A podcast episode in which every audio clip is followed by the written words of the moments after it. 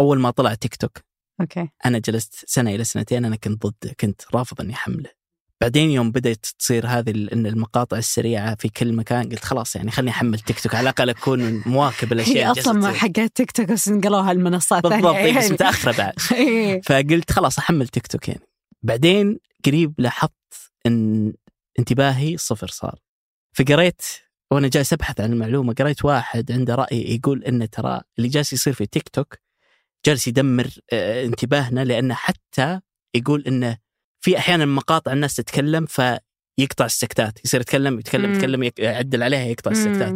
يقول هذه ما قد صارت في تاريخ البشرية إنك تسمع. واحد بدون ما يسكت مم. وهذا الشيء يخليك حتى يخرب علاقتك في الكلام مع الأشخاص الثانيين أتفق إيه ف لا هو طبيعي. أحذف التطبيق. يعني ما أدري. يعني لو شفت الرذم حق الطبيعة شلون بطيء. جدا. إحنا قاعدين نبعد كل البعد عن هذا الرذم وهذا. شيء احس يخرب أشياء كثيرة في إنسانيتنا. يعني جدا.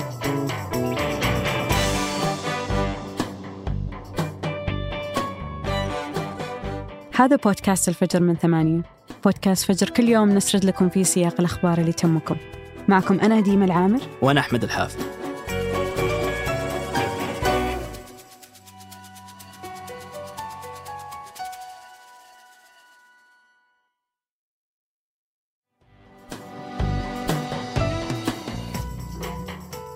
يستخدم جيل زد الشبكات الاجتماعية كمصدر مهم للأخبار. وهذا الجيل ما يثق في المصادر التقليدية مثل الصحف والقنوات الإخبارية. جيل زد بالمناسبة هو الجيل اللي انولد في الفترة ما بين 1997 إلى سنة 2012 جيل زد وصف كان يستخدم للشباب الأمريكي لكن حاليا يطلقونه على كل الشباب في العالم. حسابيا أكبر مواليد هالجيل عمره تقريبا 26 سنة. والتغيير اللي نلاحظه الحين أن هالجيل ما يثق في المؤسسات الإخبارية وياخذ أخباره من المؤثرين ما هو من المؤسسات الصحفية. ولو بتبحث عن الحسابات الإخبارية في تيك توك بتلاحظ حسابات إخبارية كثير. المشاهير ومؤثرين ينافسون المنصات الإخبارية الكبرى وأحيانا يتفوقون عليها مثل حساب ديلن بيج يتابعه أكثر من عشرة ملايين أو حساب Under the Desk News اللي يتابعه ثلاثة ملايين. هي بكل بساطة محتوى إخباري بسيط جدا. شخص يطلع قدام الكاميرا في غرفته ويشرح الأخبار بسياق سريع وممتع.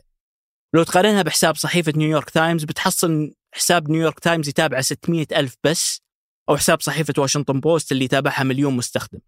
ولأن هالجيل يفضل الأخبار السريعة والمختصرة يقدم حساب ديلن بيج الأخبار في أقل من دقيقتين. وكمثال في أحد فيديوهاته تكلم عن خبر إطلاق السعودية لمشروع The Line وشرح الخبر بشكل مختصر وتجاوز عدد المشاهدات له 54 مليون مشاهد. تحاول مؤسسات صحفية مثل نيويورك تايمز وواشنطن بوست وسي ان ان وبي بي سي وغيرهم إنها تجذب هالشريحة من المجتمع لسببين مهمين. الأول أنهم بطبيعة الحال جمهورهم المستقبلي لذلك يحاولون هالمؤسسات أنهم يبنون علاقة معهم من وقت مبكر. الثاني لأنهم شريحة كبيرة ومؤثرة في المجتمع ولأنه أكثر جيل في العالم فيمثل 32 من سكان العالم 16% من إجمالي عدد السكان في الشرق الأوسط. على طاري تأثيرهم أطلقت حملة الرئيس الأمريكي جو بايدن الرئاسية حساب على تيك توك في محاولة للوصول إلى الناخبين الشباب. بحسب بعض الدراسات فإن 50% من هالجيل في أمريكا يحصلون على الأخبار يوميا من تيك توك وسناب شات وإنستغرام وريدت وغيرها من شبكات التواصل. لكن خلونا نطرح السؤال هل فعلا الأخبار اللي ينتجها الهواة على تيك توك وغيرها من شبكات التواصل بدون مراجعة وتدقيق؟ وبدون مسؤولية ومهنية صحفية. هل هي أخبار ذات موثوقية عالية؟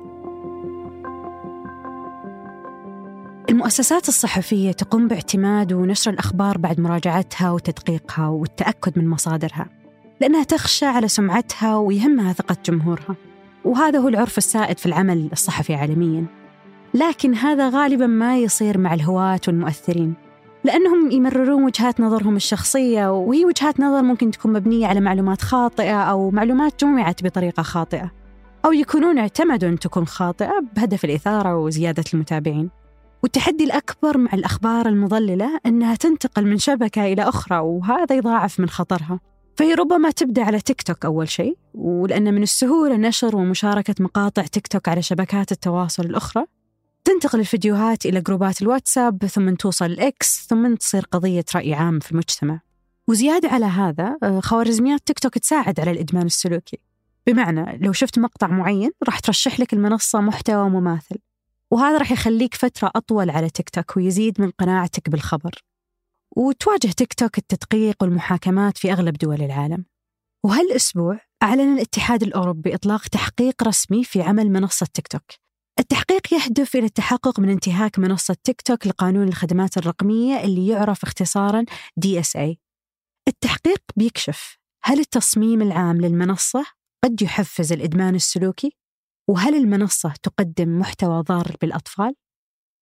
ممكن يكون تيك توك أداة رائعة جدا لتسويق أي نشاط تجاري، لكن في مجال الأخبار لا زالت المنصة تشكل معضلة في أغلب دول العالم. وبحسب تقرير أصدرته وزارة الثقافة في السعودية فإن جيل زد في السعودية هو الأعلى بين الأجيال الأخرى فيما يخص الاشتراك في قنوات الألعاب. برضو هو الجيل اللي أغلب أفراده يستعملون تطبيقات التواصل الاجتماعي مثل واتساب وإنستغرام وسناب شات. برضو لاحظت الدراسة أن هالجيل يتصدر قائمة معدل ساعات تصفح الإنترنت يوميا في التعلم عن بعد واللي تقدر من 6 إلى 8 ساعات. وبالرغم من أن جيل زد يشكل نسبة كبيرة من المجتمع السعودي. إلا أن للآن ما شفنا أي محتوى أو منصات تستهدفهم أو تلبي رغباتهم واهتماماتهم.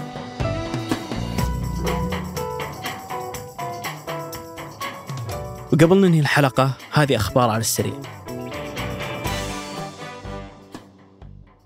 قال وزير الخارجية السعودي الأمير فيصل بن فرحان أن السلطة الفلسطينية قادرة بدعم المجتمع الدولي على السيطرة على جميع الأراضي الفلسطينية.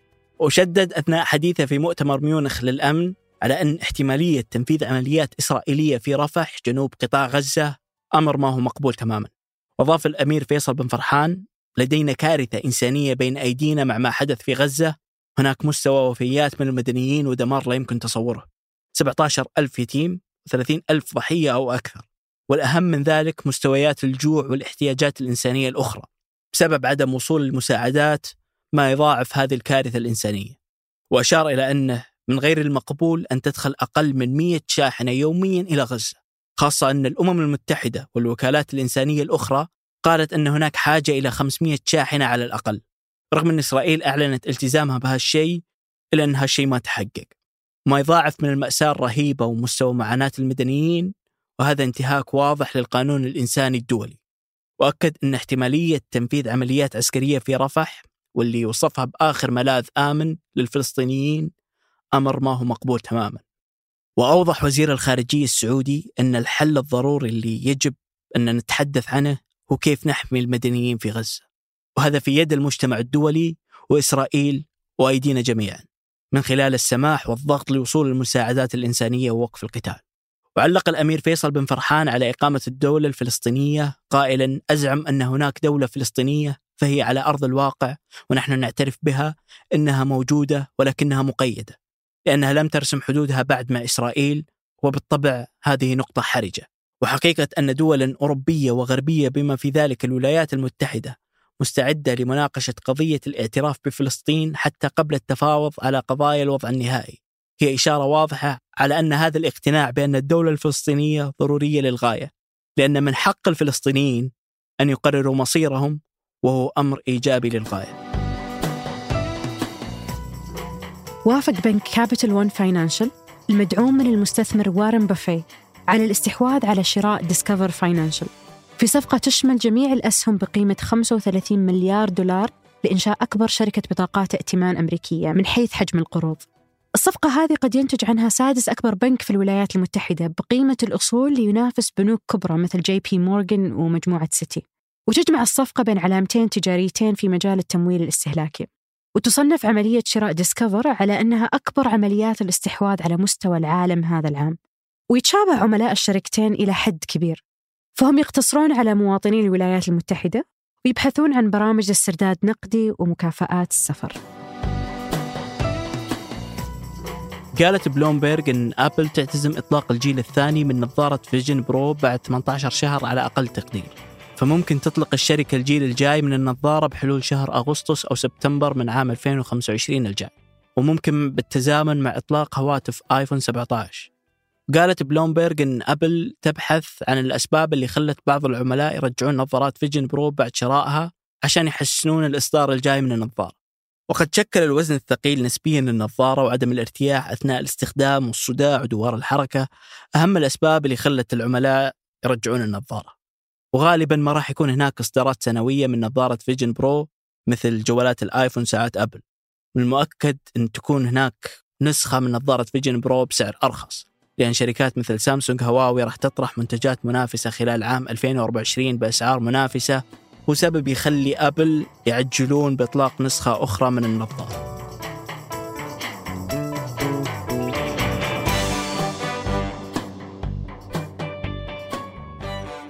أنتج هذه الحلقة سفر عياد وقدمتها أنا ديما العامر. وأنا أحمد الحافي.